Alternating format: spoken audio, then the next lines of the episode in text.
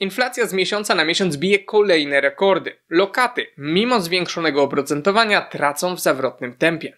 Czy antyinflacyjne obligacje skarbowe mogą zabezpieczyć zwykłe osoby przed utratą kapitału? W zamyśle obligacje indeksowane inflacją powinny dawać zarobić trochę więcej niż inflacja, w rzeczywistości jednak wcale tak nie jest, o czym nadal niewiele osób wie, tak więc dzisiaj wytłumaczymy sobie, jak korzystać z tego produktu, żeby wyjść na tym bardzo dobrze. Zacznijmy jednak od początku, czyli zostawienia łapki w górę dla YouTube'owego algorytmu. Obligacje skarbowe to bardzo bezpieczne produkty finansowe, które sprowadzają się do pożyczenia swoich pieniędzy skarbowi państwa. Oczywiście otrzymujemy za to wynagrodzenie w postaci odsetek. Zyski w każdym roku będą inne w zależności od inflacji i właśnie dlatego nazywamy je indeksowane inflacją. Dzięki temu teoretycznie zawsze powinniśmy być odrobinę ponad nią. Najważniejszą zaletą tych obligacji jest to, że są przyjazne dla początkujących. Bardzo łatwo je kupić i można to zrobić już od 100 zł, a ryzyko utraty kapitału jest nadzwyczajnie małe. Dopóki Polska jest wypłacalna, nasza inwestycja w gruncie rzeczy jest bezpieczna. Z tego powodu będą świetne dla osób, które nigdy wcześniej nie inwestowały albo bardzo boją się ryzyka. Na stronie obligacjeskarbowe.pl mamy do wyboru kilka opcji od 3-miesięcznych aż po 12-letnie. Najważniejszymi dostępnymi detalicznymi obligacjami Skarbu Państwa są jednak 10-letnie obligacje EDO, ponieważ dają najlepiej zarobić z tych obligacji, które są dostępne dla wszystkich. Jak one działają? Przez pierwszy rok od zakupu obligacje te są oprocentowane stałą stopą procentową, która aktualnie wynosi wynosi 5,75%.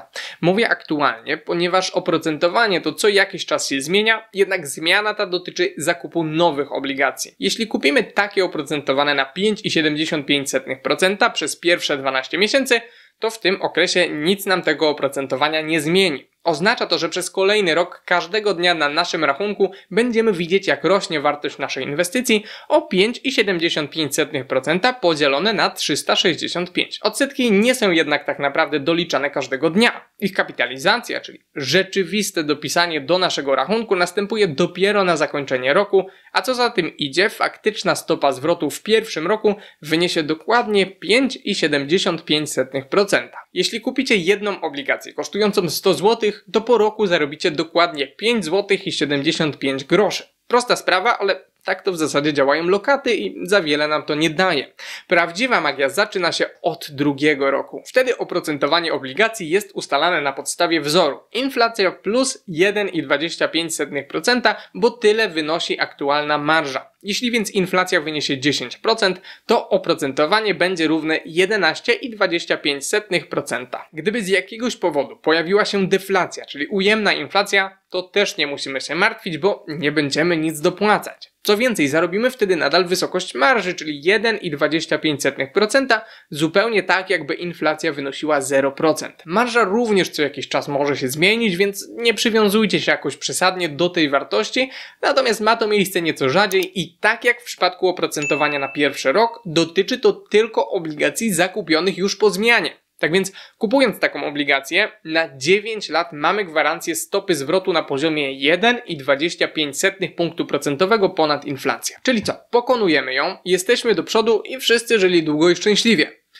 No, nie do końca. Mamy dwa podstawowe problemy. Po pierwsze, nie można zapomnieć o tym pierwszym roku, który jest troszkę oszukańczy, ponieważ oprocentowanie zawsze jest niższe niż inflacja, czyli faktycznie tracimy pieniądze. Chociaż może się to wydawać mało znaczące. To prawda jest taka, że w przypadku niektórych rodzajów obligacji, jak chociażby czterolatki, w niektórych sytuacjach na przestrzeni całej inwestycji nie da się tej pierwszorocznej straty odrobić. To jednak nie koniec. Mamy jeszcze przecież coś takiego jak podatek od zysków kapitałowych, nazywany potocznie podatkiem Belki, który będzie skutecznie rujnował nasz plan pobicia inflacji. Spójrzmy na przykład. Powiedzmy, że inflacja wynosiła cały czas 10%.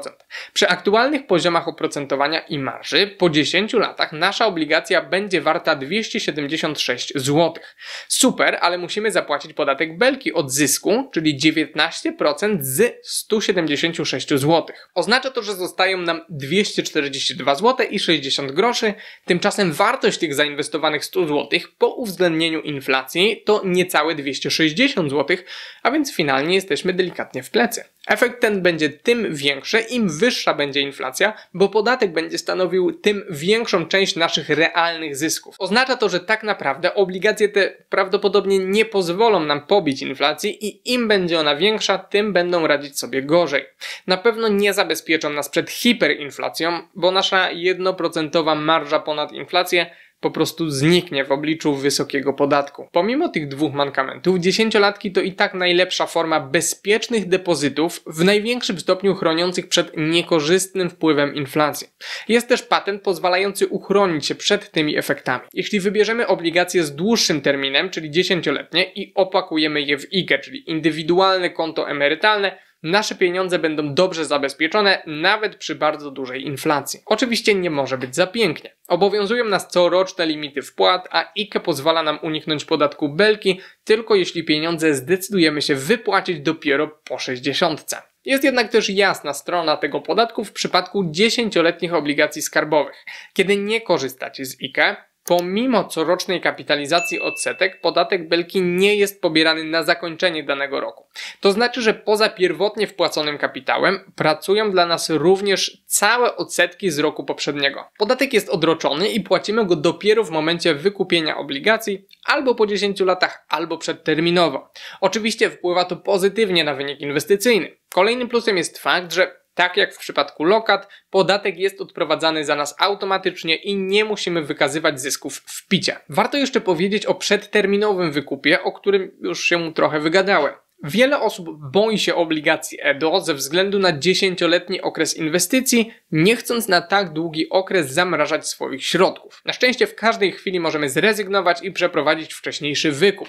Niestety, będziemy musieli ponieść dodatkową opłatę wynoszącą 2 zł od każdej obligacji, ale nie więcej niż wysokość zarobionych odsetek. Oznacza to, że nigdy nominalnie nie stracimy, a ze względu na to, że jest to wartość stała, a nie procentowa, z każdym kolejnym rokiem możemy się nią przejmować mniej. Nie jest to też tak jak w przypadku lokat, że zrywając ją na końcówce tracimy wszystkie zyski. No ale poza 10-letnimi obligacjami mamy jeszcze inne produkty do wyboru. Czterolatki raczej nie ochronią nas przed inflacją i przy kilkuprocentowej inflacji 10-latki mogą okazać się lepsze, nawet uwzględniając wcześniejszy wykup po 4 latach i konieczność pokrycia opłaty dodatkowej.